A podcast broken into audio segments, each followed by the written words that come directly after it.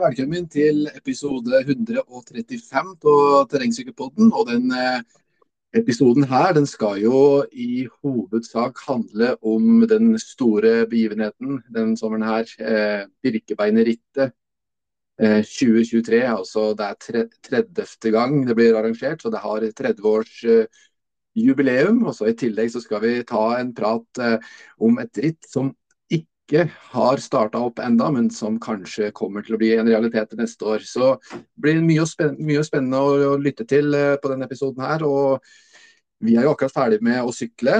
Eh, nå er det søndagskvelden, og i går var jo rittet. og Du sykla jo bra, du syns jeg, Erlend, men du fikk jo en liten eh, At du måtte ta hånd om en som hadde ødelagt seg litt. Så du i din den gode ånd tok vare på den personen og heller eh, eh, fikk eh, en litt dårligere tid, da. Men heldigvis fikk du et eh, justert det når du kom i mål. Men kan du ikke si litt om rittet, Erlend? Du syns du sykler bra? Ja? ja, eh, vi har jo nevnt i tidligere episoder at vi skulle starte i pull 1. Jeg var i hvert fall bekymra i forhold til det, og det var vel kanskje du òg. Det er jo veldig mange gode syklister på pull 1 kanskje en 10-20 strengt tatt kunne sykle eliteklassa der.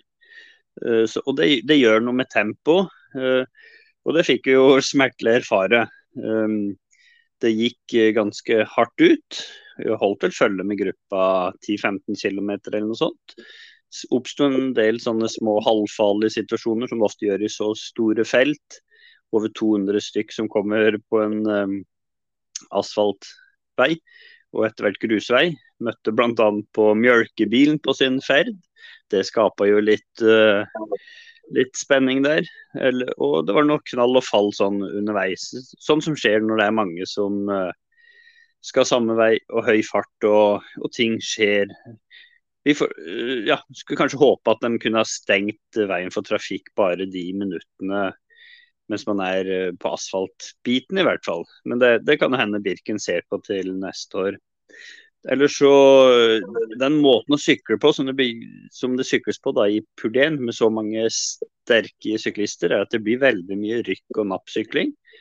Uh, fra tidligere ritt har man kanskje erfart at man er flinkere til uh, å sykle når det sykles ganske jevnt fra start, men her, her ble det altså spurting, og så roa det seg, og så spurta det igjen, og så kom man inn i en bakke hvor det ble kjørt hardt.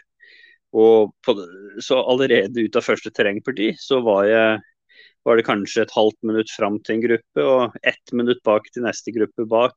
Og Det var uvant på Birkebeinerrittet. Uh, ofte så er det jo veldig samla, har jeg erfart tidligere. At du liksom ligger i en gruppe, og der er du. Men nå kom jeg ut alene og sykla ganske langt alene. Så det ble uh, ja, både en tøff start og tøft etter hvert, siden man måtte sykle alene på Birken. Det, med tusenvis av deltakere så var det spesielt.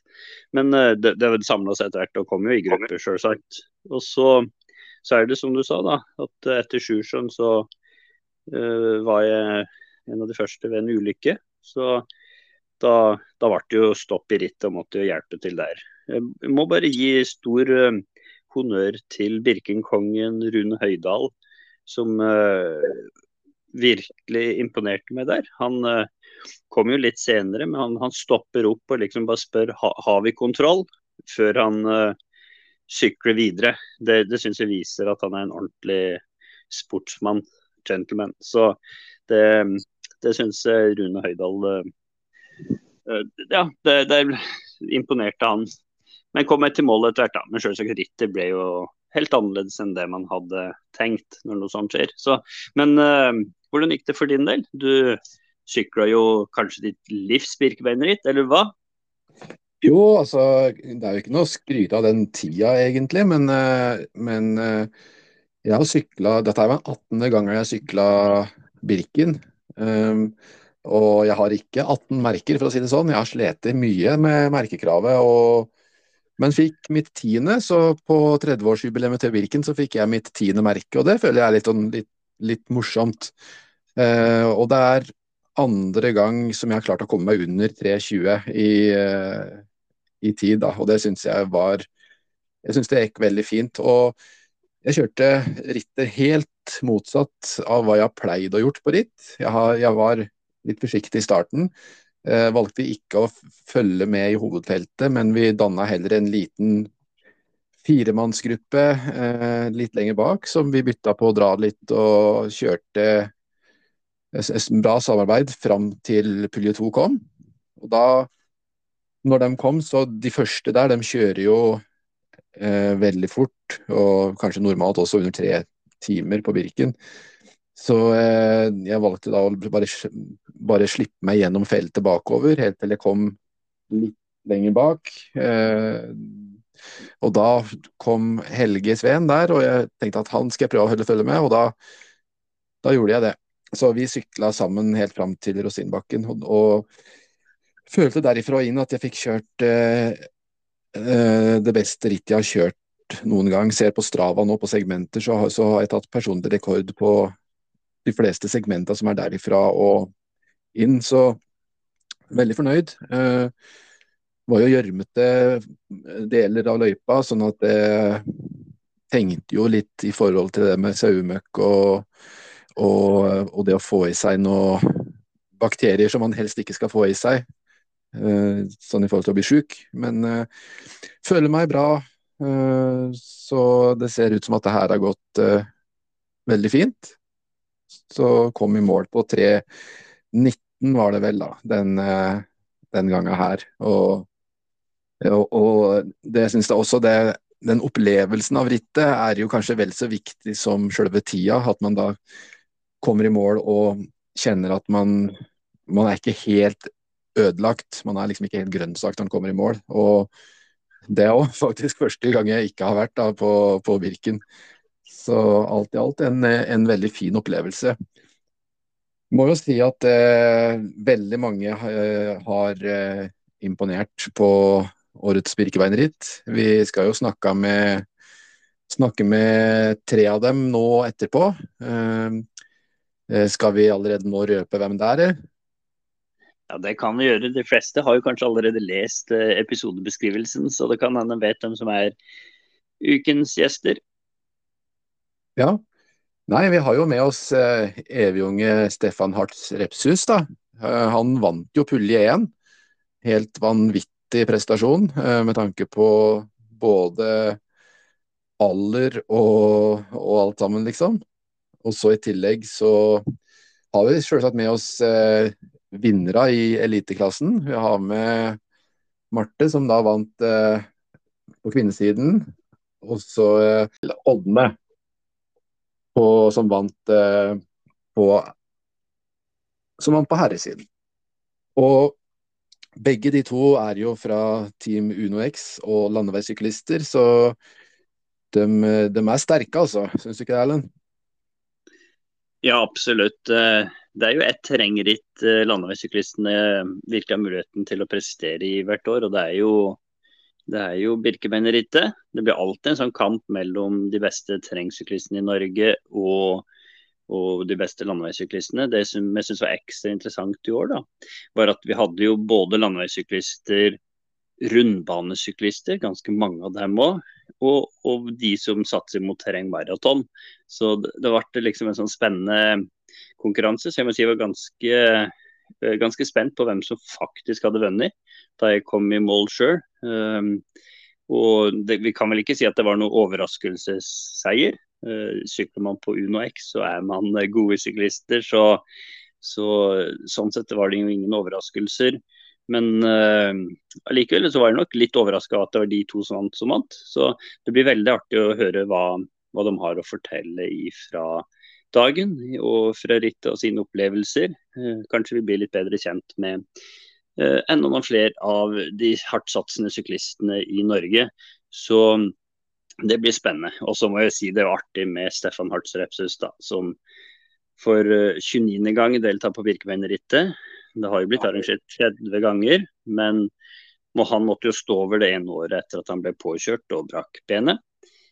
Så han hadde vel gyldig fravær det ene året. Så ellers så kan vi jo si at vi er jo nå inne i tredje sesongen av uh, Terrengsykkelpodden. Vi går inn i vårt fjerde år nå etter hvert. Vi har jo begynt nå jobben med å, å prøve å skaffe oss nye sponsorer opp mot fjerde sesongen. Så er det noen av lytterne våre som driver firma eller jobber for et firma som har lyst til å være med oss på satsingen imot at det skal bli en fjerde sesong av Terrengsykkelpodden, så kan en vel bare ta kontakt med oss. Og hvordan gjør man det, Ingar? Hvordan skal man ta kontakt med oss? Nei, det er ikke så enkelt. Vi tar jo aldri telefonen når noen ringer. Nei, det er eh, på, eh, på eh, skrive på Messenger på Facebook-gruppa vår, eller på en Instagram-melding. Eller man kan skrive en e-post til post at terrengsykkelpodden.no. Ja, og da kan vi jo ta sette over til vinnerne av Birkebeinerrittet i senior herre- og kvinner eliteklassa, og ikke minst vinneren av klassa 55-59 år på herresiden. Før vi setter over til Kristian Stensåsen, som har spennende planer om et nytt ritt fra neste år.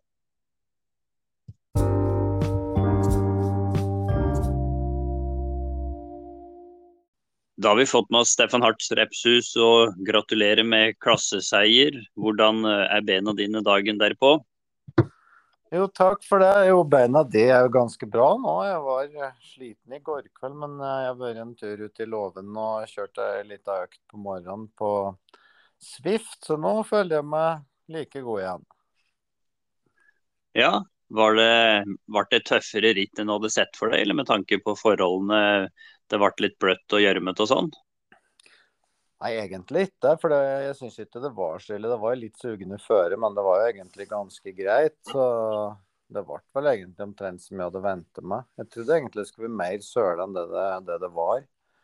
Jeg fikk døgg på brillene mine i første terrengpartiet der, så kastet jeg dem til ei dame som jeg kjente der. og Kjørte egentlig det meste av rittet av briller, da, uten å få altfor mye grus i øynene. Ja, det var jo ikke det var jo ikke bare bare å komme over uten og kanskje være borte litt gjørme. og Tenkte hun over det her med å drikke underveis og sånn? Det var jo en del sauemøkk og sånn på veiene. Har det liksom gått bra i forhold til sånne ting? Ja, det har da gått bra foreløpig. Jeg tenkte på det før start, men så glemte jeg det igjen. da. Jeg hadde jo drikkeflasker som vanlig og hadde vurdert å ha noe i sekken for så vidt. Men uh, jeg gjorde det egentlig på vanlig gam, gammeldags vis, for å kalle det det, uten at det har eh, gjort noen ettervirkninger, da. Ja, så bra. Det var jo et par minutter til andreplassen i klassa di, mann 55-klassa, og 29-29 merker. og Du går vel for merke nummer 30 til neste år, eller? Ja, jeg får da satse på det. det vel, jeg har da vært med i alle år, bortsett fra den gangen som jeg brøt opp beinet. Så jeg ser liksom ingen grunn til at jeg ikke skal være med til neste år, da. For det, det er jo, Birken er jo spesielt Når man bor på Rena attpåtil, så er det jo bortimot en forpliktelse som syklist å stille av, da. Så det er jo et uh, stort arrangement som det er artig å ta del i, da. Ja, er, eh, du har jo blitt 57 år. Og hva skal vi si, du, du, har jo gjort det ganske strålende i år. Det ble en syvendeplass på grenserittet forrige helg. Er det sånn at du føler at formen er like god som for 20 år siden? Ja, skal jeg si om det? Ja, det har jo jeg har jo Ja, ikke for 20 Jo, bortimot for 20 år siden så var jeg vel hakket bedre. For da ble jeg jo nummer tre på Birken. Og da var det jo verdenscup og mange utlendinger med. Så jeg er jo ikke helt der nå. Men uh, i år har jeg faktisk hatt en lite oppsving igjen i forhold til de siste åra. Og har vel egentlig, ja uh, litt bedre igjen. Så det er jo litt overraskende det, for så vidt. Men på den andre sida så har jeg jo føler kanskje at jeg har uh, giret opp et lite knepp på treninga uh, kontra de siste åra, selv om kanskje timeantallet er bortimot det samme. da. Ja, er hemmeligheten en sykkelrulle på låven, eller er det mye utesykling? Nei, jeg kan si det er vel egentlig Trening er lite hemmeligheter, men det er mye det er å bare bare gjøre det, da. Kan si det jeg har gjort litt Jeg har hatt litt mer styrke inn i bildet enn det jeg har hatt de siste åra. Og jeg tror sjøl at det er kanskje det som har gjort at jeg hever meg litt grann av, da. Så ellers så har vi jo Jeg har fått en ny kollega på jobb som sykler fort som for så vidt ble nummer sju i eliteklassen. Og så trener jeg litt med han, og det er inspirerende å ha noen som er enda hvassere. Og jeg har jo Østen som ble nummer åtte på Birken og trener jo litt med, så jeg er jo med gode folk, da. og det, det gir jo inspirasjon til å gi ekstra gass sjøl, da. Så jeg kan si at jeg har fått en liten ekstra dytt av det. Det tror jeg kanskje. Ja, Eh, vi så jo at Birken hadde ja, ganske mye færre deltakere enn sammenlignet med tidligere år. Men de klassene som du deltar i, da, det var vel 443 i, det, i klassen mann 55 til 59 eh, år. Og, og, Det er liksom de klassene over 50 og oppover som har mange deltakere. Har du gjort deg noen tanker om hva det kan komme av? Ja, nei, jeg veit ikke helt. For jeg husker jo for en del år siden, da husker jeg faktisk at i den klassen jeg var da, om det var i 45 eller hva det kunne være den gangen, så hadde vi jo faktisk over 1500 deltakere i klassen. Men det, jeg, jeg, jeg, jeg, er litt i villrede om hva det er. Men det er klart at det går vel litt grann i trender. og det, noen er vel interessert i sykling, og noen bare er med én til to ganger før å har gjort det. og så blir det liksom med det, da. Så har du liksom en kjerne som har kanskje litt større interesse og har Birken som et, et treningsmål. Jeg vet ikke om det kan ligge noe der, men det, det, er jo i hvert fall et ganske stort frafall, da. Så jeg er litt usikker på grunnen, egentlig. Så har vi jo kommet med Swift da, som sikkert tar, tar en del syklister. For da konkurrerer du litt på en annen måte. og uh, jeg tror nok kanskje en del syklister unødvendig legger litt mye prestasjonspress på seg sjøl, i stedet for å tenke på gleden med sjølve syklinga. Ja, nei, absolutt. Så, men, men, hvordan var, var rittet i går, egentlig? Det var jo, Du startet jo i pulle 1. Øh, ganske stor pulle, litt over 200 syklister. Jeg vet ikke akkurat hvor mange som starta til slutt der, jeg. Men, øh, men hvordan utarta det seg. Det var jo samla felt ganske lenge, så vidt jeg så. Men uh, når var det dere kom dere av gårde i en gruppe og sånn? Kan ikke du si litt om hvordan selve rittet gikk? Ja, nei, Jeg så jo på startlista at det var borti 250 som skulle stille, så kan jeg si at jeg droppa hele oppvarminga. Jeg sto og ventet, så jeg var tidlig på startstreken og var av de første. Og jeg slapp meg for så vidt aldri tilbake. Altså jeg var kjørte i front egentlig hele tida. Og så blir det jo alltid sånn når det kommer dit som du begynner å gjøre seg gjeldende med, med litt bakker og slik, så kommer jo de sterkeste fram. Og da var det jo Bortsett fra meg, så hadde du vel en eh, fra, par fra Lillehammer, og så var det noen ikke kjente. Og så var det han Ingvar Hansen da, som var med og drog opp tempo. Og da, da ble det jo litt spredd, så vi ble eh, ut til første terrengparty, så var det vel ja, Pølsa Pettersen var vel der, og Ingvar Hansen. Og så var det vel Jan Bersven Støen bl.a. som var i front der. Og så ble vi vel en slik sju-åtte stykker. Og så ja, ble det en lita gruppe på det samme rett bak da, som kjørte i nøss igjen. Så jeg tror vi var 15 mann ganske lenge. Og jeg i hvert fall til Kvarstad. Og så ja, De fleste var med å bidra det jeg kunne se, i hvert fall. og noen mer enn andre, slik som det sjølsagt alltid er, da, i forhold til hvor mye du har å kjøre med. Så ifra Kvarstad så skjønte jeg liksom at han Ingvar Hansen vil jeg vel si kanskje var den som var aller sterkest i gruppa, da, spesielt i bakka, og var hissig. Så han dro på skikkelig opp ifra Kvarstad der, og da ja, da ble det jo litt luke på igjen, så jeg. Men eh, når jeg kom til Rosinbakken, så skjønte jeg det på han Jeg pratet litt med han òg, at han ville ha litt mindre gruppe etter det, da. Så jeg tror kanskje vi var bare en fire-fem som var med over toppen der. Og, men det som egentlig som oftest skjer, er at eh, når den sterkeste kjører alt han har i slike bakker, så blir det jo liten dravilje av de andre etterpå, da. Så da kom det jo en del opp igjen. Blant annet eh, han, han som heter Espen Auni fra min klasse, klarer å komme seg opp igjen. Slik skjedde et par ganger innover mot Sjusjøen, og da Ja, jeg følte meg for så vidt grei sjøl. Og så at det begynte, at de begynte å sakte litt akterut ba, bakover i feltet. Da, så når vi kom ned på Sjusjøen og liksom drog oss eh, på gangstien og ned mot sjøsetterveggen, der så var det han Yngvar, Ingvar, og så var det vel Fader, heter han igjen da? Han uh, Ole Kristian Enny fra Lillehammer. Og jeg som lå i front, og da han han kjørte for kjekka, så han, han dro på fælt nedover der. Da, så da ble det skikkelig, det skikkelig strekk i feltet. Så da tror jeg nesten at vi bortimot halverte oss igjen. Så så vi var vel kanskje en sju-åtte mann til Birkebeiner stadion, da. Så ble det jo Ja, Ingvar dro på fælt, og han Ole Kristian Mork het han, de var harde til å kjøre. Pluss en yngre kar som jeg ikke husker navnet på. Så vi lå og kjempet i front der, og det var en Ingvar som kom liksom først ned på de glatte asfaltveiene der. Så tok jeg meg forbi, så jeg kom i andre posisjon. og Jeg, jeg syns det er fint å ligge i andre posisjon på slutten, for det er eh, ja, For det første så var det litt ny trasse på slutten, så jeg visste ikke helt hvem vi skulle kjøre, så jeg la meg bak han bare. Så lå jeg der helt til vi kom til mot den siste stien, da, så prøvde jeg liksom å dra på opp, opp der, og da klarte jeg å komme først inn der, da. Så da klarte jeg å komme først inn til alle i den første pulja, så det var jo litt artig. Ja, Han unggutten du prater på, var det en Lillehammer CK-syklist? Ja, jeg lurer meg på om det kanskje var det, ja. Ja, ja for da er det antagelig sånn Ja, det var en som vant, vant den 20-årsklassen eller et eller annet slikt, tror jeg. Ja, Sondre Ferl Rundingshaugen. Ja, ja, kom, okay. inn, ja, ja. kom inn litt etter dere.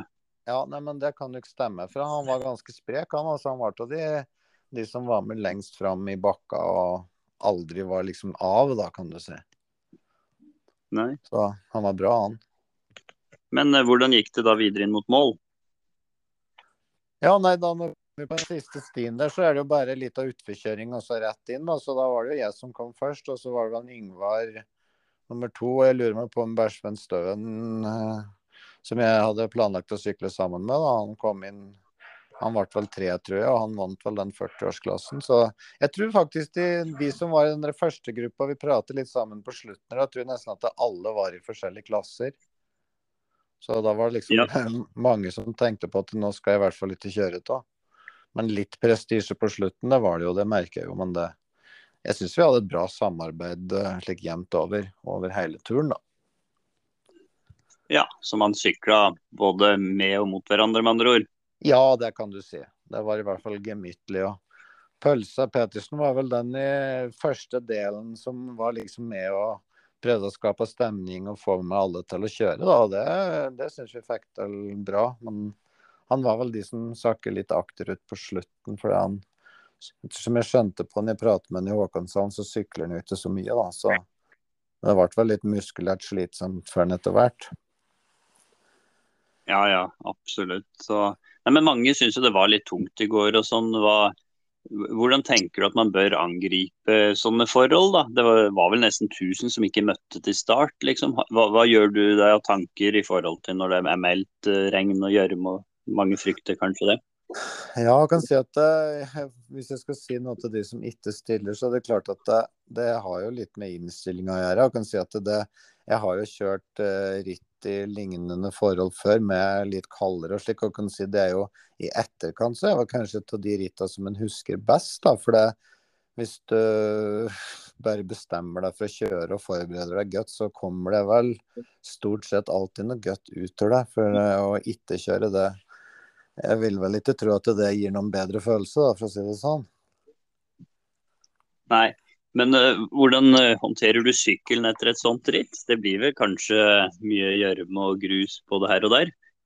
Ja, det, det er helt sikkert og visst. Men kan si nå jeg har drevet med sykler i såpass mange år, så dette der Ja, jeg får ikke ro på meg. Jeg var kanskje inne i huset i et kvarter før jeg var ute på verkstedet mitt og togiser alltid til minste detalj. Og togiser ja, både med gaffel og inni styrelager og tog av krank og sjekk over lager og blåste regn. Og samme gjorde jeg på ja, tog, togiser hjula mine og var inne og tørke litt på lageret og la inn nytt fett og gjorde det helt, helt uh, da, Så sykkelen er ja, i hvert fall like fin som den var da den starta.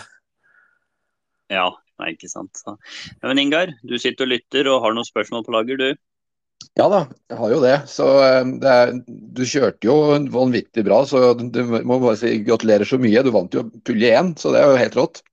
Ja, takk for det. Det var morosomt å være med i front der. Og ja, jeg visste jo da at jeg sikkert var en av de som kunne gjøre det. Men det, ja, men det var artig egentlig, fordi jeg trodde ikke det skulle være såpass uh, mange sterke. Så det var liksom en del sterke der som uh, Ja, litt overraskende, men jeg syns det var moro, da. Så det var liksom ikke I utgangspunktet så følte jeg som en ne litt nedtur å kjøre i pulje 1, da, men med de reglene som er og sånn, så fant jeg ut at uh, jeg bør kanskje gjøre det. Men farten var Ja, det var Ja, det var til tider utfordrende fordi at det var noen som var sterke der. Så det ble en bra dag for meg, syns jeg.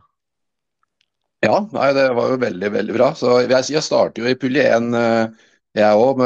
Hadde kanskje ikke noe der å gjøre, men eh, jeg fikk jo eh, Vi, vi danna en, en, liten baktropp, vi da, som på en måte slapp gruppa deres ganske fort. Men det er jo vanvittig ja. hvilket nivå hvilket nivå dere da kjører på. Så, men jeg tenker sånn som Ballettbakken, som er en sånn Eh, litt sånn fryktinngytende plass for, for, veldig mange. Den har de med å utbedre en god del i år. så eh, Hvordan angrep slapp dere bare på det det gikk nedover der, eller bremsa dere ned? Hvordan er det? Nei, det kan si at når vi kom der, så var det egentlig ingen grunn til å bremse. For den var jo nesten akkurat som å kjøre hvilken som helst grusvei ned, syns jeg. da, Så jeg bare la meg bak han Ingvar, ja, og så kjørte vi ja, Jeg aner ikke hvor fort vi kjørte, men det var liksom slik så fort som det går an å kjøre. da, for jeg ja, jeg dro jo på helt til på det tyngste giret til litt det var mer, og så bare slapp på til ned. Og så tar det litt, så må du jo bremse ned ganske fort, da, for du skal jo svinge, en 180 grader ganske kjapt der. Men uh, det var ingen grunn til å bremse noe ned der, egentlig. Nei, Nei, jeg, jeg, bremser jo jeg, da, men det, det, er vel litt mer mosjonistpreg. Men uh, dere må jo fort ha en borti 80 km i timen nedover der, tenker jeg? Ja, jeg lurer meg på Nå har jeg ikke sjekka hvor mye jeg hadde denne turen her, men jeg vet at et år så hadde jeg 87 et eller annet ned der. 87, ja. Så nærmere 90 km. Ja, ja. ja, det er helt så det etterpå, så var jeg egentlig litt Da ble jeg litt engstelig på, på egne vegne at jeg kunne kjøre så fort, for da hadde jeg vel egentlig litt eh, mer eh, Da hadde jeg jo en hardtail og stivgaffel og ganske lette dekk, da, så ja, kunne fort skjedd noe, da. Men det det har, det har lett for å gå bra.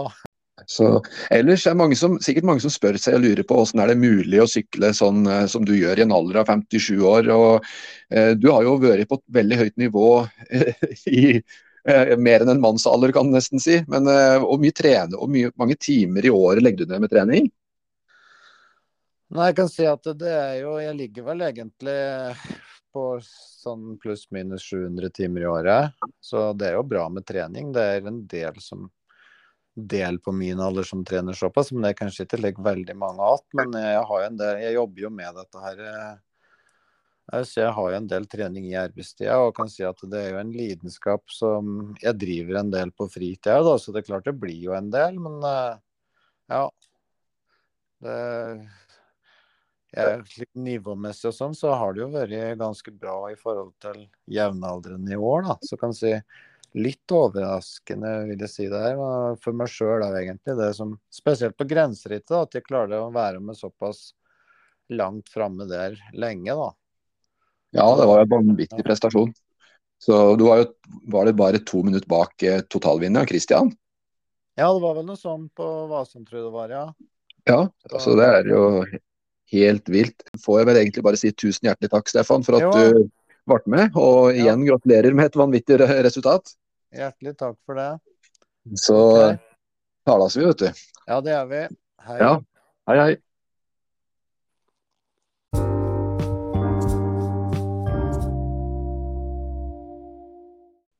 Ja, da har vi i Terrengsykkelpodden fått med oss totalvinner i kvinner eliteklassen på Birkebeinerrittet, Marte Berg Edseth. Og gratulerer med seieren i går. Føltes det bra? Ja, først og fremst takk. Og ja, jeg vil si det føles bra, det. Var det en overraskende seier, eller hadde du forventa det? Du har jo sykla Birkebeinerrittet en del ganger før, men uh, det er vel første gang du stikker av med seieren. Det, hadde du forhåpninger om det? Ja, jeg har jo sykla Det ble jo sjette gangen i går. Um, men de fire første gangene så syklet jeg samtidig som jeg var alpinist, så det var mest for trening og for gøy. Jeg sykla jo første gang i 2015 og brukte fire og en halv time. Um, og så de to siste årene så har jeg sykla Og da jeg har jo vært proffsyklist begge gangene.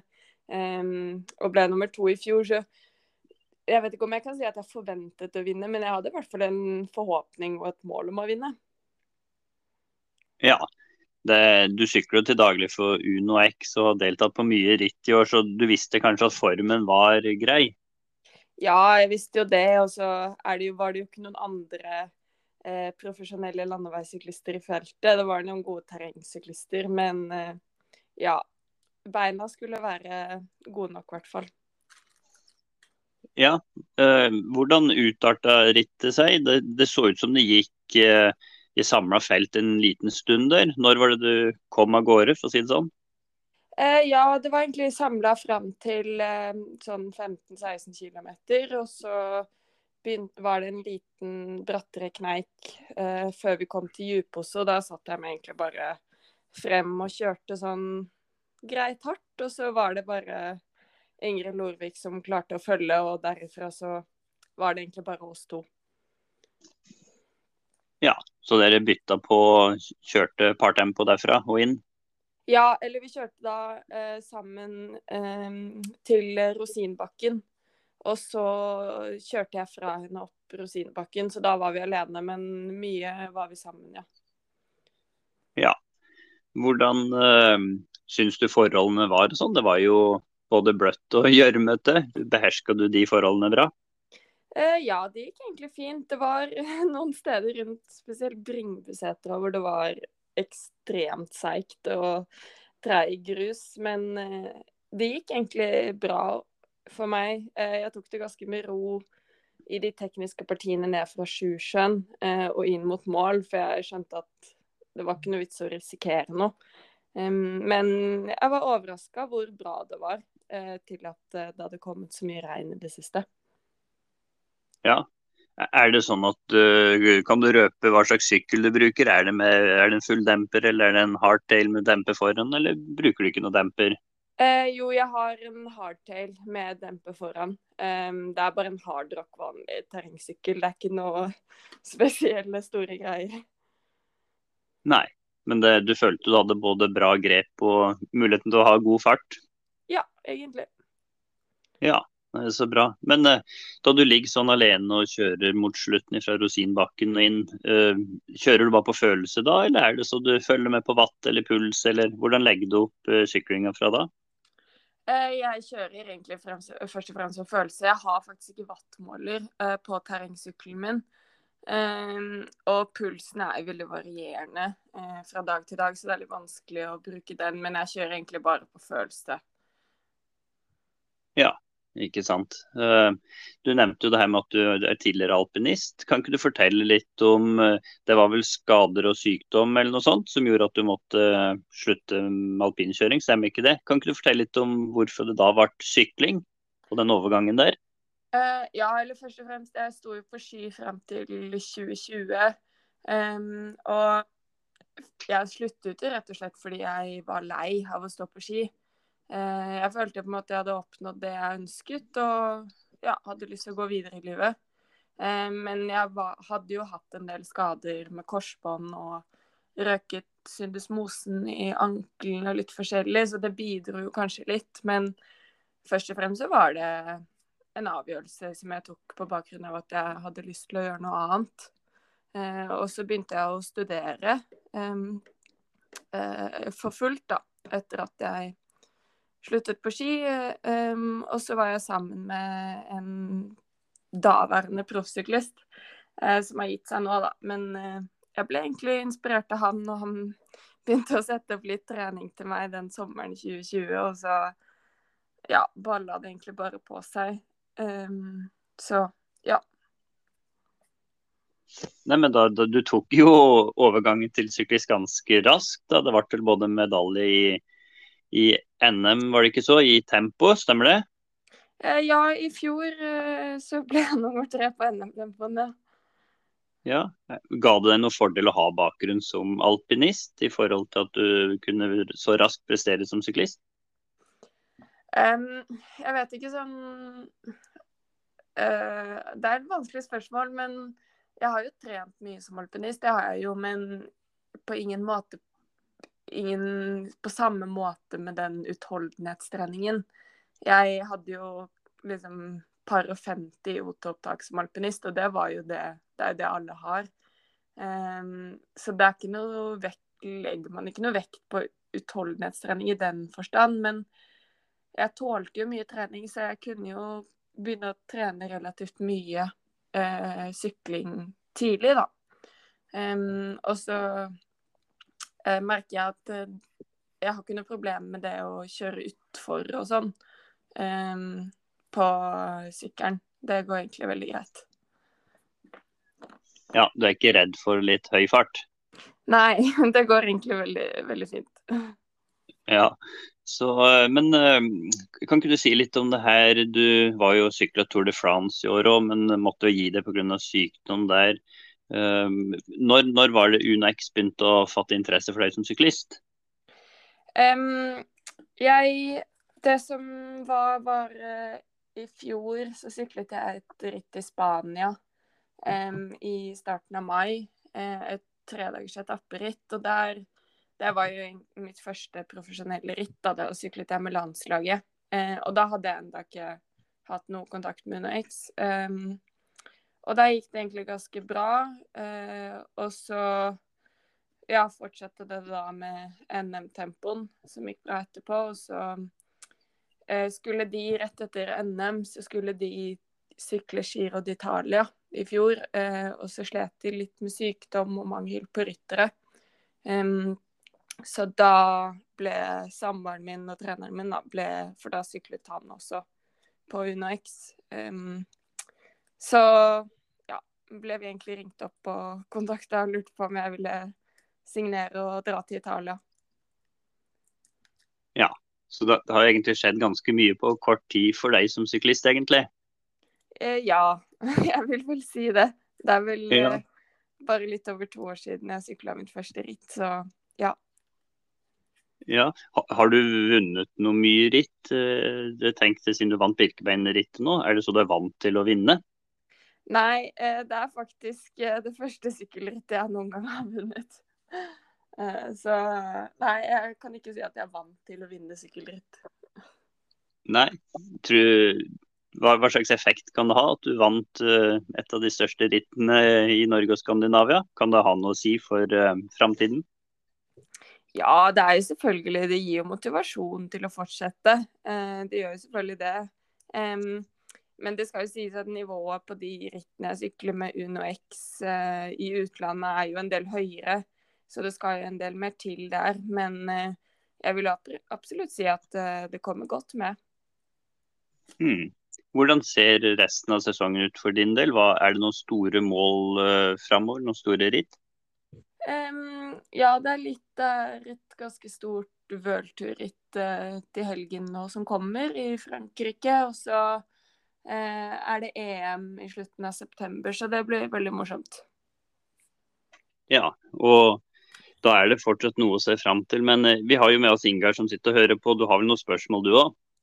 Ja da, jeg syns bare det er veldig imponerende. Og det at du faktisk klarer å, å sykle så vanvittig bra. Og det er eh, Birkebeinerrittet er jo et eh, klassifisert som et terrengritt. eh, men du er jo landeveissyklist. Har du noe bakgrunn fra terreng du, eller er det, er, kjører du bare landevei hele tida?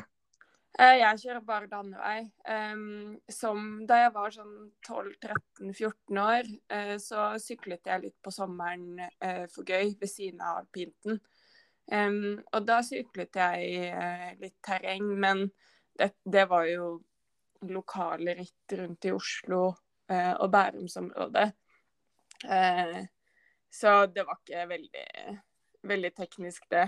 Og jeg sykler veldig lite på terrengsykkel. Eh, mye på høsten, men nei, jeg vil ikke si at jeg har så mye bakgrunn fra terrengsykkel, nei. Nei, men du tar vel ting ganske lett. Det, det, så lenge du har gjort det såpass bra på alpint òg, så eh, tenker jeg at du har en, en veldig bra motorikk. Da, som, og at du tar ting som er teknisk krevende, ganske lett. Ja, kanskje.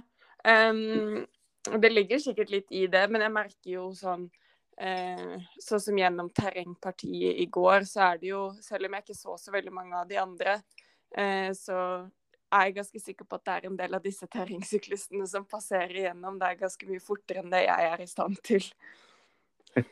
Ja, du har vel kanskje det, det, den beste fordelen på flatene der det kanskje ikke er så mye teknisk, da. Så jeg har jo sykla Det var 18. gangen jeg sykla Birken, men jeg har jo aldri vunnet, så du, du må jo ha et bra, bra talent sånn sett. da. Så, men eh, en ting som er litt interessant, eh, og det, og det er dette her med eh, rekruttering til eh, terrengsykkelsporten og kanskje òg landevei. Vi ser jo på terrengsykling at vi, vi sliter litt med med uh, jenterekruttering. Er det noe tilsvarende på landevei, eller føler du at det er mange jenter som sykler? Nei, det er litt samme. Uh, jeg føler det er veldig lite, det er veldig lite tilvekst. Um, og selv som jeg nevnte, da jeg syklet som 12-13-14-åring, jeg syklet jo i Rie. Um, og jeg var jo den eneste jenta på trening, både på terreng og på landeveistrening. Um, og syklet mest med eldre gutter og en tvillingbror. Så det er veldig få og det virker ikke som at det har blitt noe bedre med årene. Så det, man sliter, ja, med at det er få syklister, spesielt på damesiden. Mm. Vet du hva, Har du gjort deg noen tanker om hva som kan være årsaken til at det er sånn? Um, jeg er veldig usikker. Nå, for det første så er det jo Det er veldig få ritt. Um, men det er litt sånn Man vet jo ikke om det er for ritt fordi det er få deltakere, eller hva Eh, og så virker det som at eh, dugnadsånden i Norge er litt på vei ned. Folk vil ikke.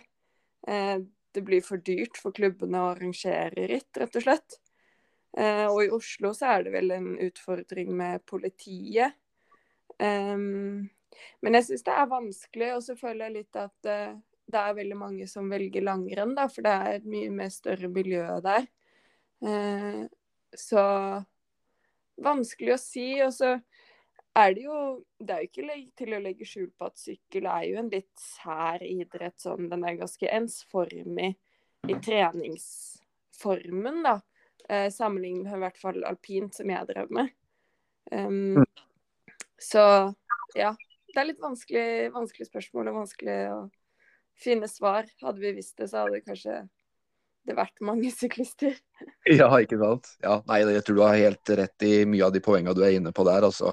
Og eh, i tillegg så eh, Vi har jo snakka med noen flere kvinnelige syklister, og, og vi har snakka litt på det sosiale aspektet òg. At eh, kanskje vi skulle vært flinkere til å ha, ha jentesamlinger og, og, den type ting for å samle flere jenter i yngre alder for, å for å få interessen opp da, rundt eh, syklinga. Ja, det tror jeg absolutt eh, man burde. Eh, og ulempen litt er at vil, folk er ganske spredd rundt om i landet, men jeg vet sånn Emilie Moberg, jeg vet ikke om dere kjenner til henne, hun har i hvert fall prøvd å få litt til noen jentetreninger på kveldstid i Oslo-området, i Sørkedalen og Maridalen, og det er et veldig godt initiativ. Eh, så jeg tror også det, det ligger noe i det å samle jentene. Ja, absolutt. Thea Sigrud hadde òg eh, en sånn jentesamling på, på uh, vårparten her i, i år. Der hun samla en del på tvers av disipliner. Og kanskje man skal være flinkere til å rett og slett uh, se litt vekk fra sånn, de, de, spesifikke disiplinene. At man skal kanskje samles mer på tvers av, av sykkeldisipliner. og Rett og slett fordi man er litt for få hvis man bare skal tenke spesifikt. Ja, det er nok relativt sant det du sier der. Og jeg tror i hvert fall i ung alder så er det jo veldig liten forskjell på ja, hvordan terrengsyklister og landeveissykler trener. Så ja, det tror jeg absolutt. Ja, ikke sant. Nei, det, er, eh, det, det, blir spennende. Og du kommer sikkert til å stille på Birken flere ganger du eh, i framtida, vil jeg tro?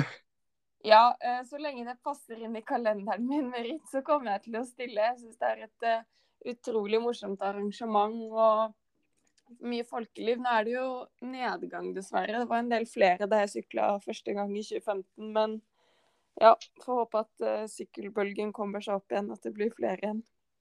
Ja, det går litt i trender, dette her. Så vi får bare satse på det. Og eh, da vil jeg bare få si tusen takk for praten og gratulerer igjen med et fantastisk resultat. Og så har du fortsatt igjen noen ganger da, før du har kjørt Birken like, ganger, like mange ganger som meg. ja, jeg, jeg, skal prøve å yppe meg. Ja, det er bra. Ja, tusen takk. Da, da snakkes vi. Det gjør vi. Takk. Ha det. Ha det bra.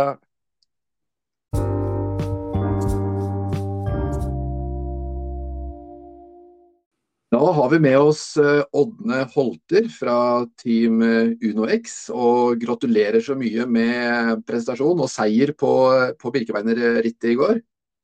Tusen takk for det. Hyggelig å være her. Ja, eh, hvordan syns du det gikk? Var det, kan du beskrive litt hvordan rittet var fra, fra start til mål? Eh, ja, det var jo en sånn jubileumstrasé. Så vi kjørte ikke opp til um til Skramstad, er det det det heter. Um, og da, da, var det naturligvis litt, litt større gruppe inn i eh, bunnen av Djupose der. Um, så det var jo litt mer eh, på en måte feltkjøring, og du måtte tenke litt på posisjonen og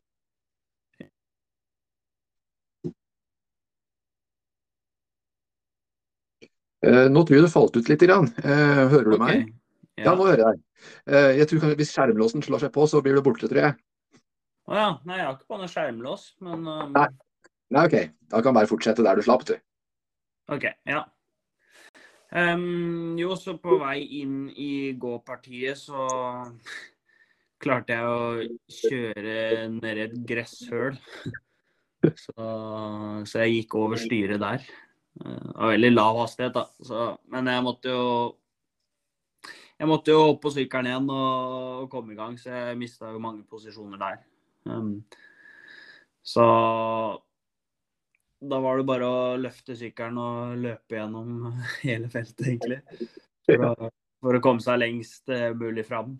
Um, så var jeg en, uh, ja, en topp 20 på toppen der, så det var, var greit nok.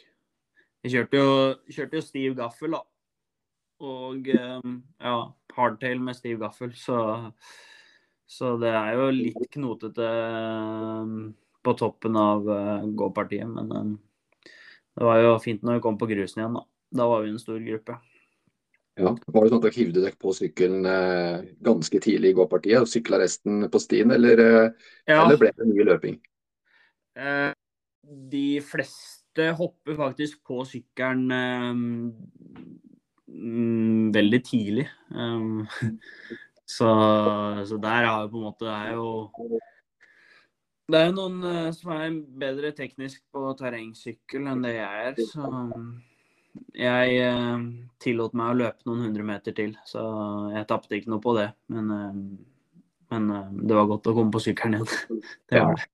Ja, ja. Det, går jo, eh, det, det, går jo en del krefter hvis, hvis en driver og løper sånn, men, eh, men du kunne kanskje gått enda mer krefter hvis man eh, skulle ha sykla og kanskje knote litt? Ja, ja, det er jo litt det, da. Jeg prøvde meg én gang, men jeg hoppa av, hoppa igjen. Så det var litt sånn det var litt knotete i gåpartiet i år. Det var jo så bløtt, så de steina rulla jo og var så glatte. Så det var litt var litt tyngre enn uh, tidligere år. Ja, Har du vært med på Viken mange ganger før? Her? Ja, det var fjerde gang. Ja, Så begynner du å få litt uh, erfaring? ja, en smule. ja. En smule. Så, ja. Når du kom da ut av det terrengpartiet der, så da kommer man ut på en litt sånn sugende grusvei, og, og så går det inn, ja. mot, uh, inn mot Bringbu. Var dere fortsatt uh, samla hele gjengen der, eller? Um, jo, jeg visste ikke det da, men uh, han Eskil Lie var jo ett minutt foran. Ja, han hadde fått litt luke, altså? Ja, han hadde visst det. Uh, det hadde ikke jeg fått med meg. Jeg var Nei. Ja. Så det var litt støting. Eh, Jeg prøvde å gå ganske tidlig med en gang etter gåpartiet, for å For det er brått litt sånn at folk er veldig slitne og ikke orker å bli med på noe støt. Så det var jo på en måte en, en periode man kunne få luke ganske billig. Ja. ja, det er jo det der. Ja, man begynner å merke det litt. altså. Man Ja. begynner å, Spesielt hvis man har åpna på litt for høyt nivå, så begynner man å kjenne det godt etter det gåpartiet. Ja, ja. Eh, Men da ble jeg markert veldig fort. Um, så da satte jeg meg bare bak i gruppa og sparte litt krefter. Um, Ja. Og så var det på en måte litt sånn halvhjerta kjøring av alle i gruppa der, egentlig. Det var fortsatt en ganske stor gruppe, da. Ja. Det var en uh, 30-40 mann der, kanskje. Um, Ja, det er fortsatt stort felt. ja. Så gikk jeg på et uh, ganske um, hardt støt um, bak motbakke. Uh, du ser veldig langt framover. Um, Ja. Så der, der gikk, jeg, eh, gikk jeg ganske bra til og fikk med meg um, han Eivind Fogner fra Lillehammer.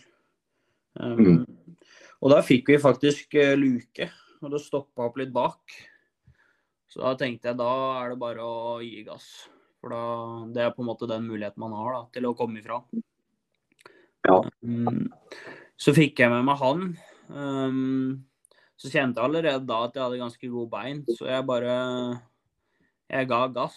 Så um, da ble jeg aleine til slutt, da. Um, så når jeg var aleine der, det er da jeg fant ut at han Eskil var foran, for da fikk jeg sekundering. Ja, hvor, hvor, da, fikk, da var det et minutt cirka fram til han, da? eller? Ja, stemmer. Um, Ja. Så kjørte jeg meg um, opp til han før utforkjøringa ned til Karstadsetra, eller den uh, passeringa der. Um, Ja. Så var vi uh, Så kjørte vi uh, ganske greit sammen, uh, egentlig. Um, jeg var litt sånn usikker på om han var sliten eller om han hadde mye krefter, så jeg turte liksom ikke bruke altfor mye krefter der. Um, Nei. Så du, eller vurderte du nå hva slags sykkel han hadde i forhold til avslutning og sånn? Ja, han hadde jo fulldempa med senkepinne, han. Så jeg visste at han er jo god teknisk, så um, jeg kan ikke forvente å kjøre fra han fra Sjusjøen og ned. Nei.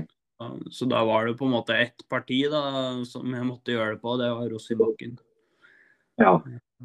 Men jeg visste at var, eh, han er jo sterk rytter, da, så jeg var litt sånn eh, i tvil på hva jeg skulle gjøre i ballepakken. Om... Fordi han la seg bak. Så Eh, satt jeg litt i, satt jeg litt i dødens. Ja. Um, så jeg var litt sånn Skal jeg kjøre alt jeg kan nå, for så å bli støta på toppen? Eller uh, skal jeg liksom gå for det og prøve å kjøre ifra den, da? Så jeg falt på det siste. Så um, det var, eh, det var godt når jeg fikk noen meter på han. Um, Ja. Så egentlig da jeg fikk meter på den der at jeg for alvor begynte å kjøre hardt. Skikkelig hardt. Um, og um, ja, gikk all in for det. da.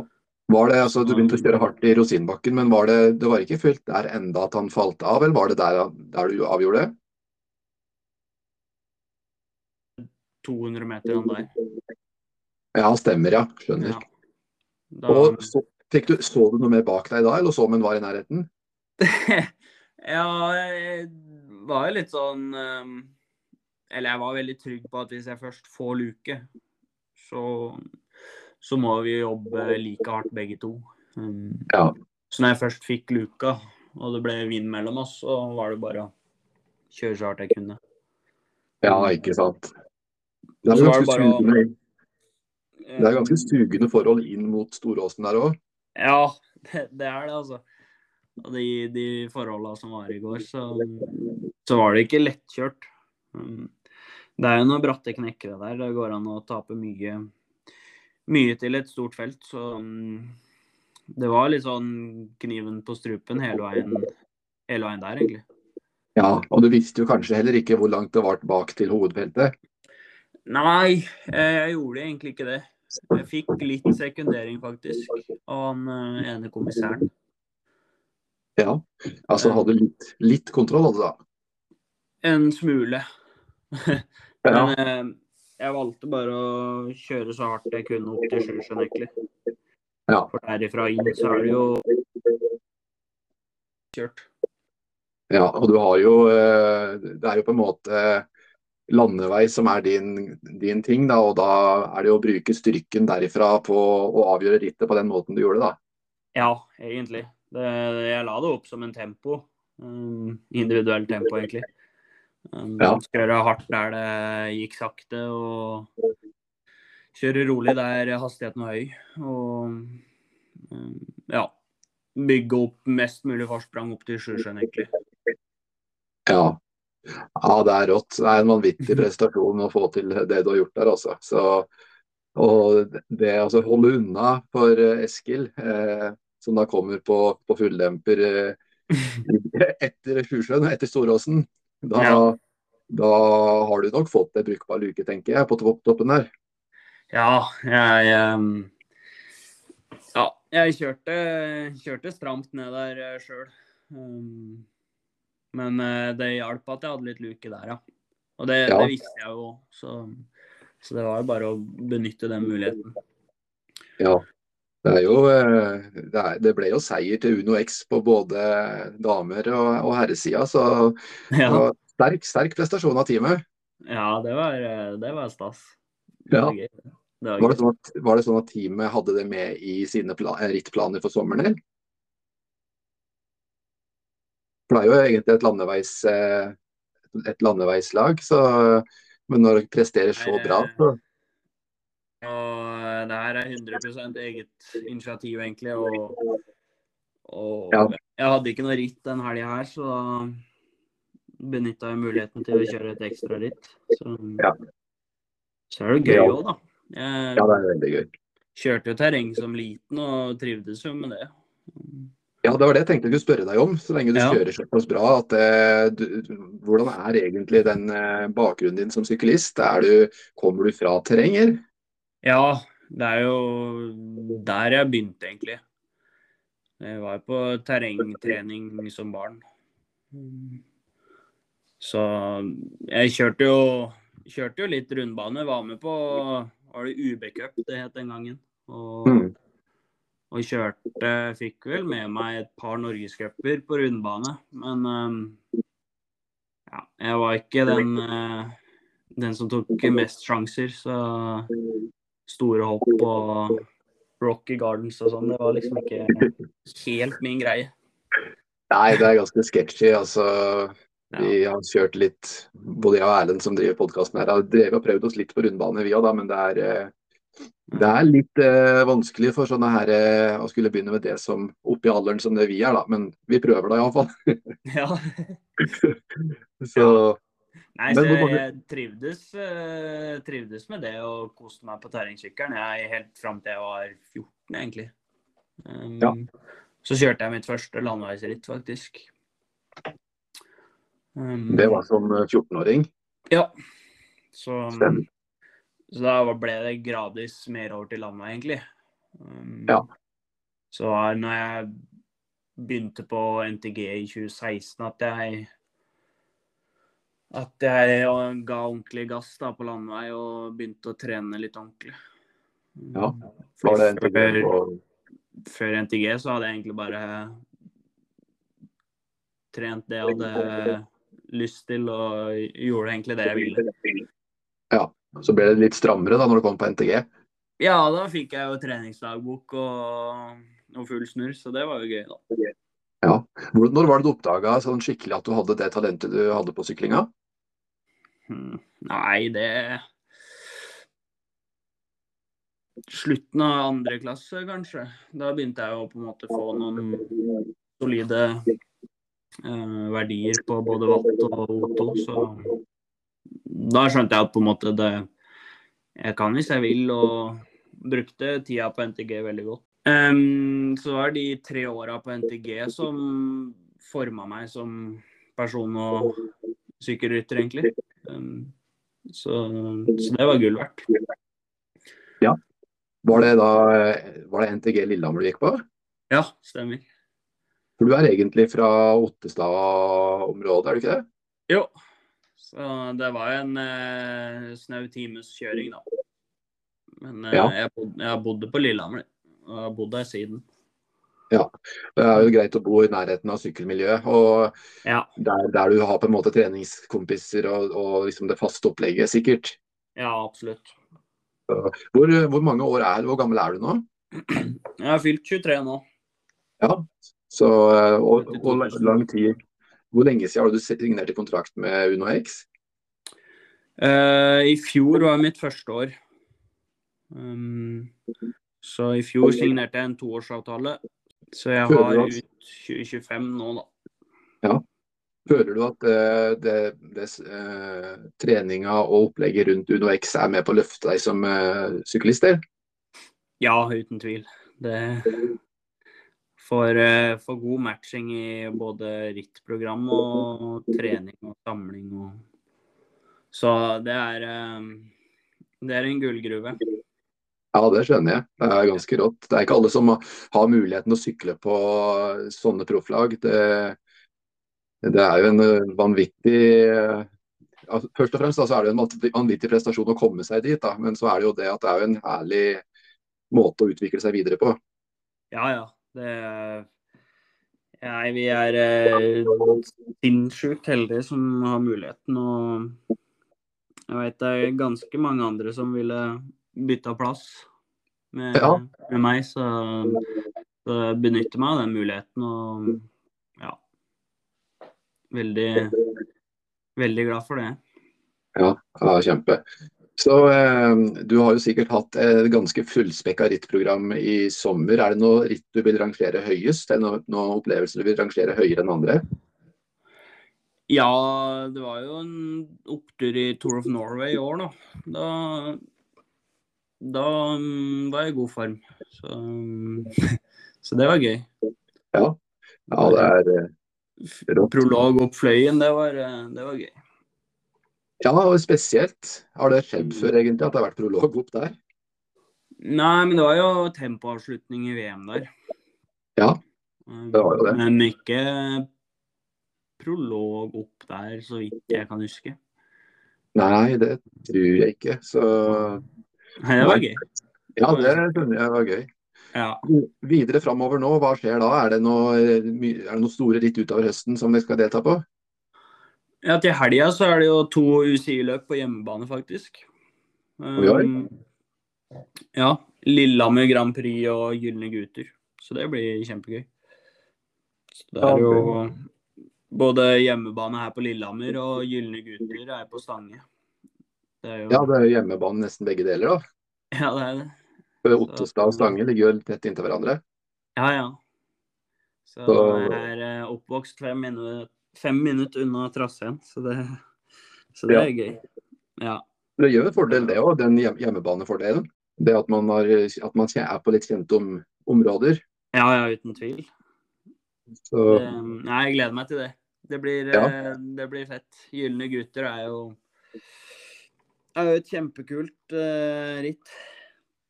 Det går jo på grus og mye action. Så få brukt litt av de egenskapene du har da, fra terrengen òg, kanskje. ja, det var en god oppvarming på Birken, da. Ja, veldig god. Ja, det var det. Så utover høsten da blir det noe cyclocross-opplegger. Ja, kanskje det. Vi, eh, vi får se hva det blir til. Um, det hadde jo vært gøy å prøve seg. Jeg har ikke kjørt CX-ritt ennå, så vi Ja. Ja. Nei, jeg har fortsatt, eh, fortsatt det til gode. Men Ja. um, det hadde vært gøy å få prøvd seg på det, egentlig. Ja, jeg vet at mange av de store stjernene ifra sånn som Matt van der, Er det ikke Matt van der Pool han heter? Han som Jo, vant VM. Ja. Han er jo en av de som eh, forlenger sesongen så, så lenge han klarer, da. Ja, og van Ert, da. Og van Ert, ja. De to de kjører jo løp hele året, holdt på å si. Ja. Tenker du at det kan ha noe for seg å kjøre Det er litt vanskelig her i Norge da, å kjøre løp eh, Ja. med tanke på at vi har vinter eh, store deler av året. Men eh, det kan hende de har en liten fordel ved å kunne gjøre det. Ja, det tror jeg absolutt. Um, men det er på en måte det Du skal jo være eh, litt mentalt restarta òg før en ny sesong, så det er jo på en måte Det er jo en balansegang da, hvor, hvor lenge du skal kjøre løp og Altså, du må jo ha en liten sånn mentalt avbrekk. Um, føler jeg, i hvert fall. Ja. Um, men um, er man på en måte skikkelig uh, klar for det og har veldig lyst, så er jo det en unik mulighet å forlenge sesongen. Ja, eller, eller tjuvstarte, da. Det blir jo Ja, litt ja. som man ser det. Ja, det gjør jo det. Men eh, Det jo vi har jo men- sesonger fra januar til midten av oktober, så det er jo det er jo to måneder med grunntrening, så Det blir en veldig lang, veldig lang sesong. Altså. ja. Det er liksom ja, det er godt å benytte de, de eh, månedene med litt pustepause. Ja, ikke sant. Det, det skjønner jeg. Mm. Så Nei, men det var eh, kjempekoselig å høre fra deg. Og så Ja. eh, igjen så må du jo ha riktig gratulerer med et vanvittig løp. Og så ønsker jeg lykke til videre framover med karrieren. Takk. Hyggelig å, hyggelig å være på besøk.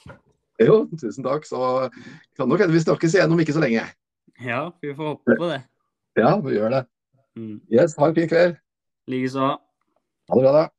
Ha det godt.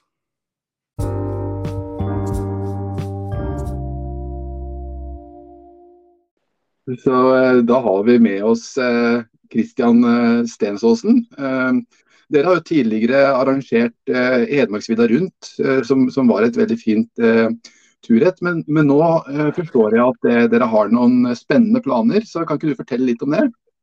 Det kan jeg fortelle litt om. vet ja, det gikk vel egentlig I koronatida så ble jo Hedmarksvidda rundt eh, på en måte avvikla, hvis jeg kan si sånn. Og så var det oppe i styret da, i, em, i Nordbydal Løten ski da, om vi skulle fortsette med ritt eller ikke. Og så har vi drodla litt, og så har vi gått i dialog da, med Løten allmenning om å få bruke litt mark der. Da, og drodle litt nye stier og for å lage et konsept på sikt. da. Mm. Ja, det er kjempespennende. Og er det sånn at dere tenker litt i forhold til trasé og, og mye tilsvarende som Hedmarksvidda rundt, eller er det, noe, er det helt andre områder dere tenker å, å bruke? Det vi egentlig er ute etter nå, er egentlig å, å, å teste litt hva er det, det syklister rundt oss har lyst på. da. Så det vi egentlig inviterer til nå, er egentlig en liten testrunde nå i først starten av september. Der vi skal liksom inviterer invitere egentlig til åpent eh, der eh, andre klubber kan komme og sykle litt. Og, og så får vi en tilbakemelding på den traseen. For det er jo ikke noe tvil om at eh, hvis vi skal få noe bærekraftig her, så må jo, må jo eh, de nærmeste klubba da, eh, være med å dra, dra løftet og, og få til en, måte en, eh, et, en, et bærekraftig ritt på sikt. Mm. Eh, men liksom traseen sånn som den er nå, så er den lagt opp til å være sånn en start og mål på budord. Det er litt overfor skistadion. Det er eh, mye grus, eh, men et par stipartier. Da. Det ene er vel en sånn seks-sju minutts sykling.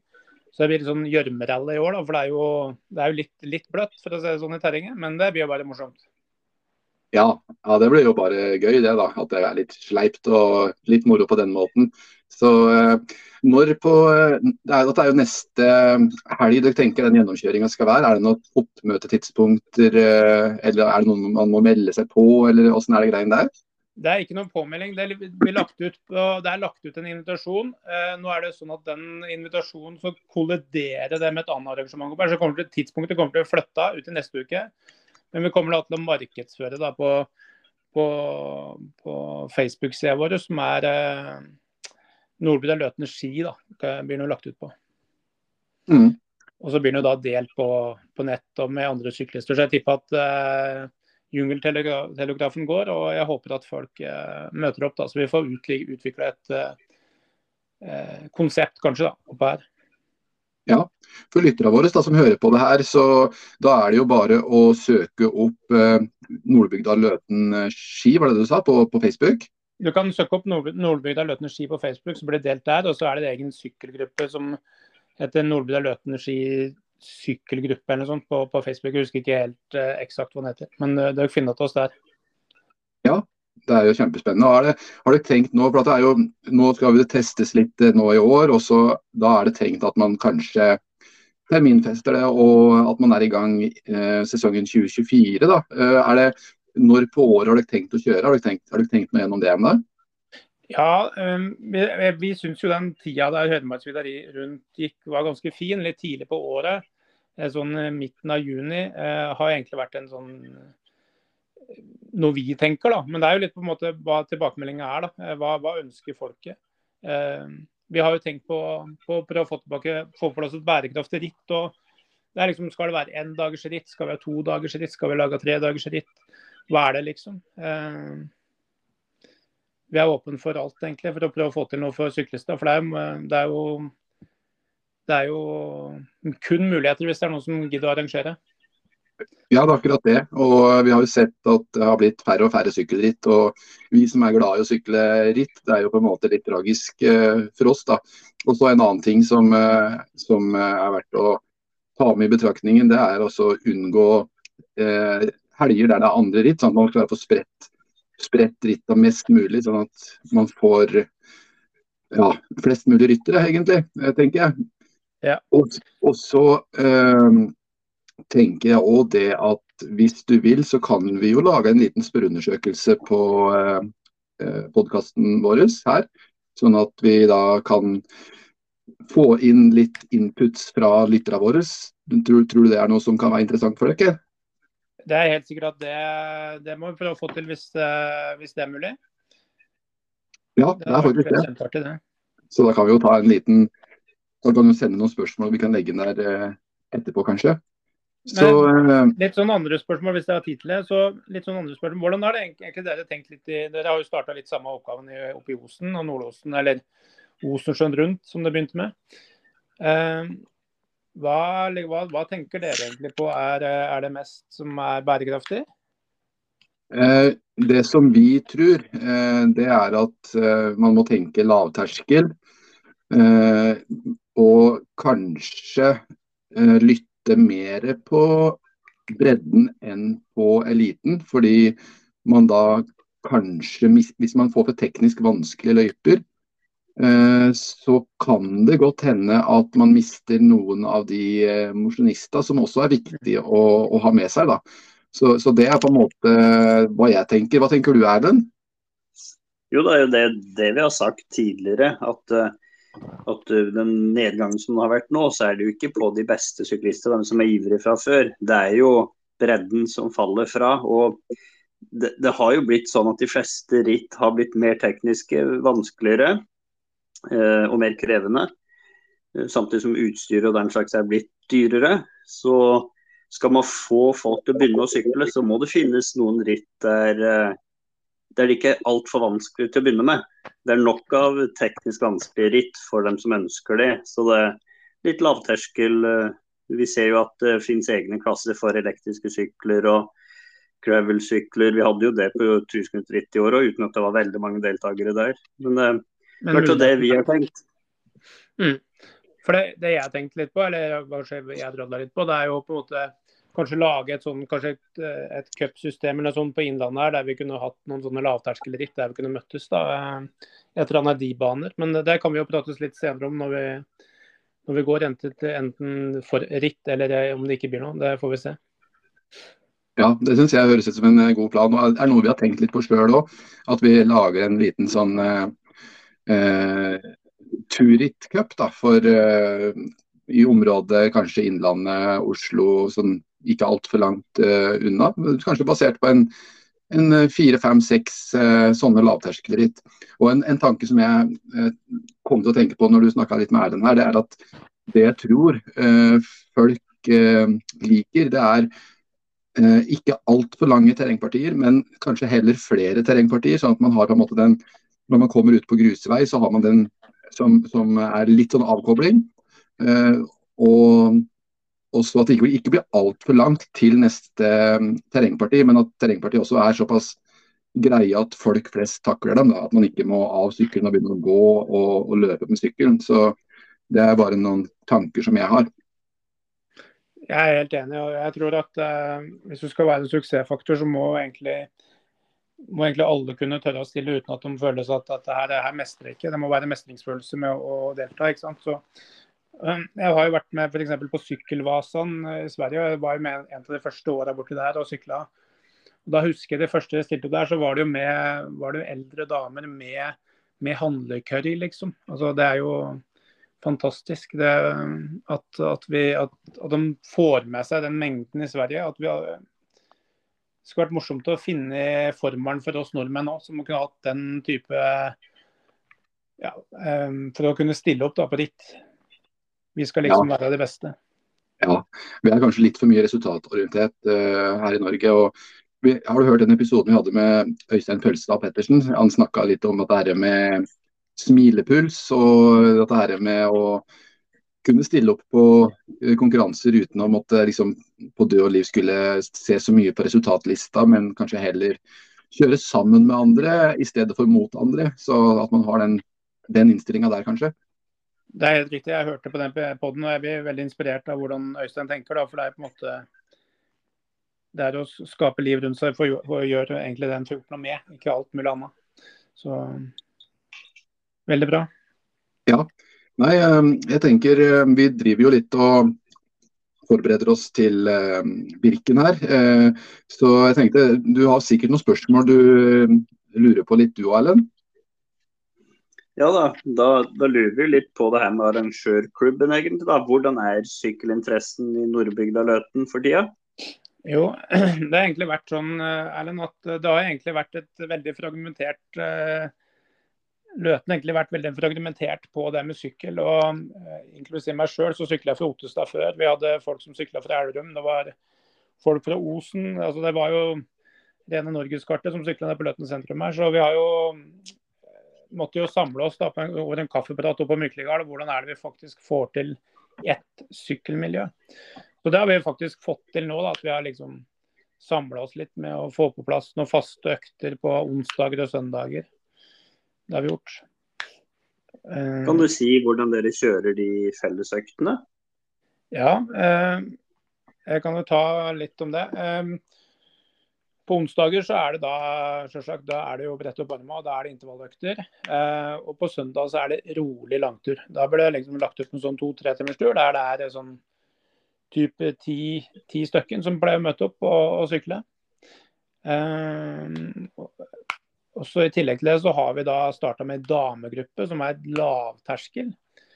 Som eh, er en tre-fire-fem stykker som er ute og sykler hver søndag. Og så har vi noen som har starta med sykkelskole for å, å, dra i gang de yngste. da, De fra fem til ti år, er det vel. Og, og det har jo vært en kjempesuksess, faktisk. Det har vært, eh, vært en 30 stykker på, på sykkelskolen. Så, så det bygges litt en liten grunnmur nå, da. Så nå er egentlig det med å komme oss inn på det med rittanken, om vi skal faktisk gå det steget og arrangere ritt igjen. Ja, det høres jo veldig spennende ut. og det, det, I forhold til den onsdagsøkta, hva slags uh, opplegg har dere på den i forhold til å favne uh, syklister på flere forskjellige nivåer?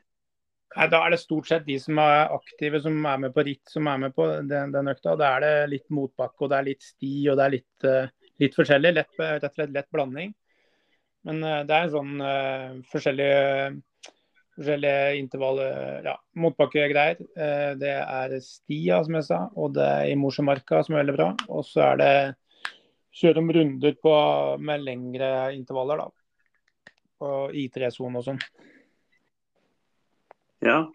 I, I, forhold til det rittet, er det, er det snakk om at det skal gå på mest på sånne lokka grusveier og sånn, eller er det behov for kursing av løypevakter og sånn? Har du ikke sett liksom litt på detaljene rundt det å arrangere ritt?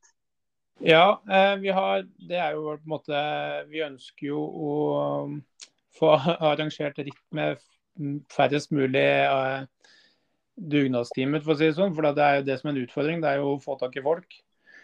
Så det er Nei, det er tanken, for å si det sånn. Og vi har det med oss. Og, men vi må, vi må jo ha noen eh, som, er på, som er på kurs. Det må vi ha. Men eh, minimalt. Vi ønsker å sykle Ja. litt sjøl òg, ikke arrangere. Nei, og det er jo ofte det som sånn som jeg og Ingar som har jobbet i mange år med arrangementer, da, både skirenn og sykkelritt, at det ofte er sånn at de som er mest ivrige på å lage ritt, er jo dem som ønsker å delta sjøl òg. Det er sånn litt dilemma det der. Men det, det er kanskje litt større klubb eh, dere kommer fra, eller hvor mange medlemmer er det egentlig? I Nordre Løten ski eh, Ja. Det er, hvor mange, det er egentlig et vanskelig spørsmål, men rundt et par hundre stykker er det nok som er med aktive og kall det eh, støttemedlemmer. Så er det nok noe sånt, ja. Det er en ganske stor klubb totalt sett. For den Nordre Løten ski er jo, består av en alpingruppe, og det består jo av eh, skigruppe og ei sykkelgruppe. Så Ja, det er store forhold, som skal være folk å ta hvis, hvis det blir eh, nødvendig. det er folk å ta av. Det er bare viljen, egentlig.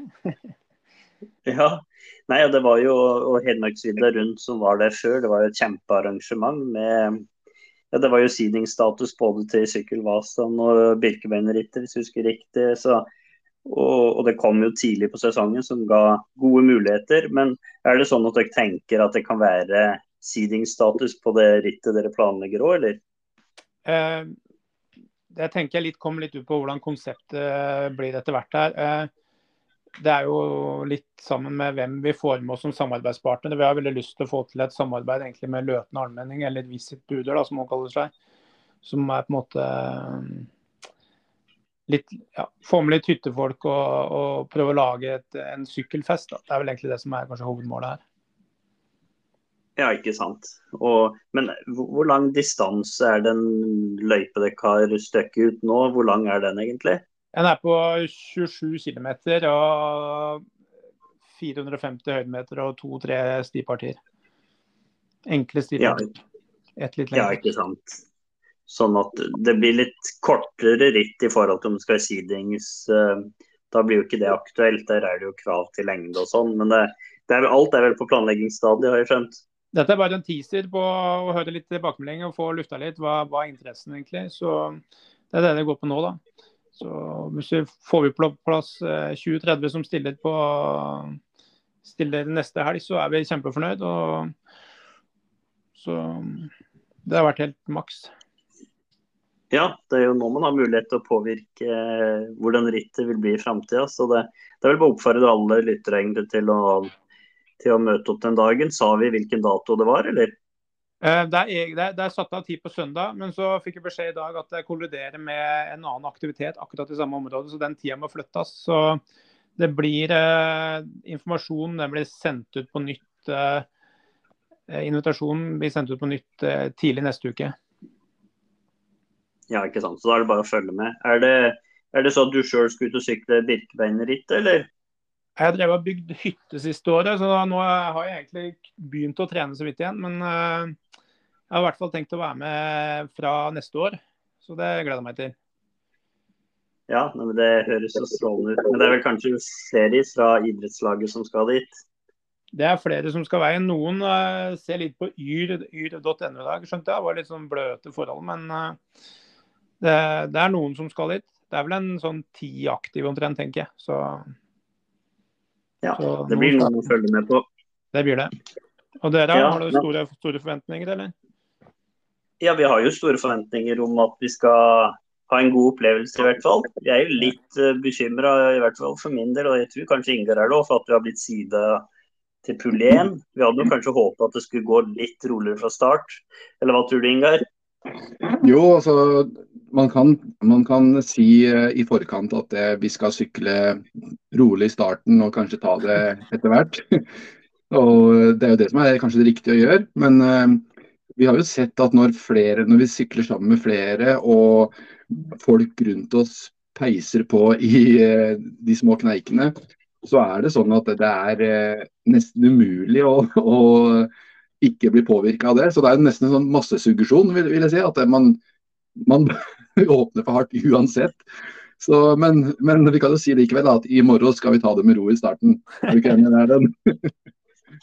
Ja, Det får være tanken nå, i hvert fall. Og så får vi se. Det er et langt ritt. og med selv om det ikke blir sikkert store nedbørsmengder, så blir det i hvert fall tungt føre, da, siden det har regna i forkant. Så det, det blir, eh, blir, en tung dag, men det er jo bare å sitte og tråkke, og det har vi gjort før, så det skal vi få til. Ja, men jeg tror det, jeg tror det blir OK forhold.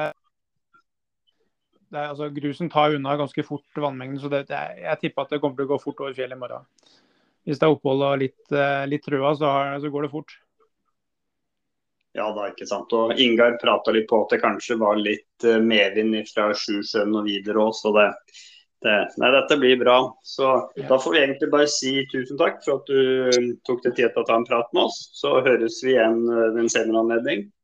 Takk sjøl, og så lykke til i morgen.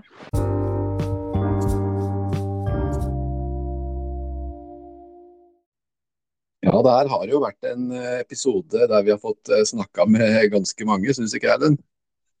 Jo da, og så må vi bare takke da, for at alle så uh, velvillig og er positive og stiller opp på det her.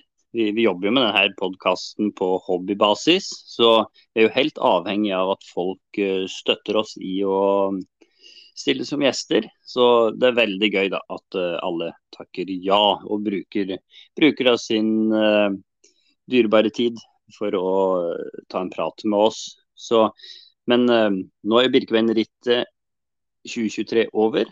For mange har det vært et hovedmål. Men sesongen eh, er jo langt ifra over for uh, vår del, eller hva mener du?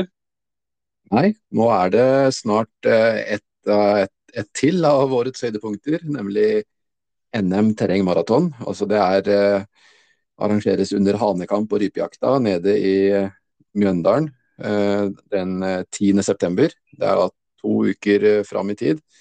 Og eh, det er noe jeg må si at jeg har gleda meg til en stund. Jeg har sykla det rittet en gang tidligere. Da åpna jeg som vanlig altfor hardt og fikk det på, på, slutten. Men jeg husker rittet som et veldig lekent og ikke vanskelig teknisk ritt, men eh, heller lystbetont i forhold til flytsti og, og det å ha det gøy, da. Så det at de har fått eh, NM, det er liksom prikken over i-en i forhold til å få til et supert arrangement. Så du blir med, du, gjør du ikke det, Erlend? Ja, det har planer om det. Det går jo på en søndag. Jeg liker egentlig det at ritt er på en søndag, ja, for da kan man ha litt helg i forkant òg, før man uh, reiser av gårde og sykler. Eller så går det jo også et ritt neste helg, som jeg opprinnelig hadde tenkt å sykle. Men uh, pga. jobb så blir det ikke noe av. Og det var det det het da? Eh, BMC 1814-rittet, var det det det het? Det kan vi jo tipse folk om å delta på. Og så er jo rundbanesesongen langt ifra over i forhold til Norges cup.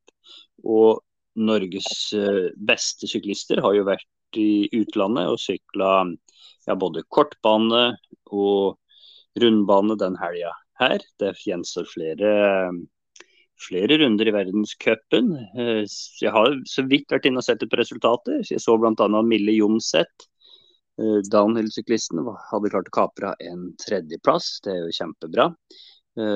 Eh, men vi kan heller komme tilbake til litt flere resultater i neste episode, tror jeg. Kanskje vi får en prat med noen av dem som har deltatt der òg, eller hva mener du?